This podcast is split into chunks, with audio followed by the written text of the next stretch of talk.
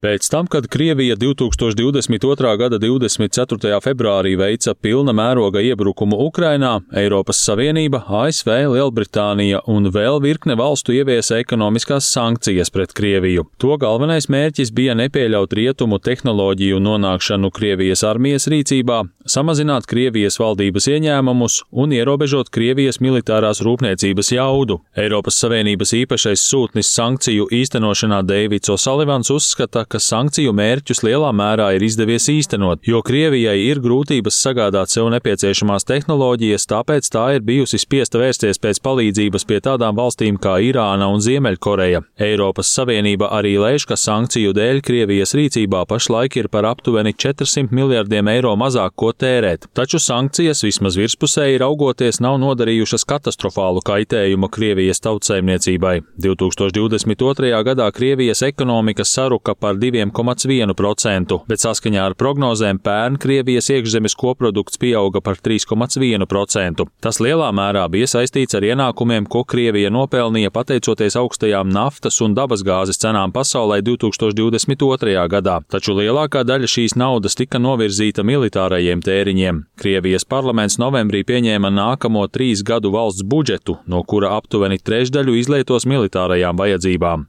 Ekonomikas analītiķis Maksims Blāns Blāns prognozēja, ka tas sekmēs vēl straujāku cenu pieaugumu, ko jau tagad nopietni izjūt ierindas iedzīvotāji. Apstākļos, kad militāra rūpnieciskais komplekss saņem neierobežotu finansējumu, kad viss, ko viņi lūdz, viņiem tiek dots, kad šī militāra rūpnieciskā kompleksa daļa ekonomikā pieaug ļoti strauji, inflācijas jautājumu vienkārši nav iespējams atrisināt. Problēmu inflācija просто невозможно. Savukārt pazīstamais Krievijas politikas analītiķis Andrejs Koļesņikovs norādīja, ka valsts ekonomikai ilgtermiņā draud nopietnas problēmas. Mēs redzam ļoti būtisku militarizāciju iedzīvotāju nodokļu tērēšanā un valsts naudas izlietošanā. Jā, tagad budžets ir sabalansēts, bet kas būs rīt? Ir neizbēgami, ka ekonomikas struktūra nebūs tik veselīga, kāda tā bija spēcīgākā, tīrākā tirgus ekonomikā. Un tagad mēs redzam, ka reāli ienākumi un jo īpaši algas atkal pieaug. Bet uz kā rēķina? Jo pieaug algas militārajā jomā, militāri rūpnieciskajā sektorā.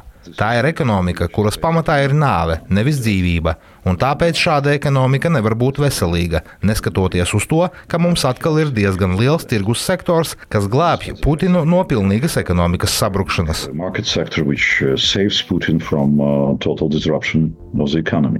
Arī Eiropas Savienības īpašais sūtnis sankciju īstenošanā Deivids O'Sullivans norādīja, ka pašreizējais Krievijas ekonomikas modelis nav ilgtspējīgs. Yes,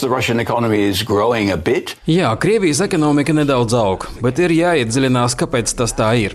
Tas ir tāpēc, ka viņi ievērojami iegulda militārajā jomā. Pašlaik 30% no Krievijas valsts izdevumiem tiek novirzīti militārajām vajadzībām. Tie ir gandrīz 10% no iekšzemes koprodukta.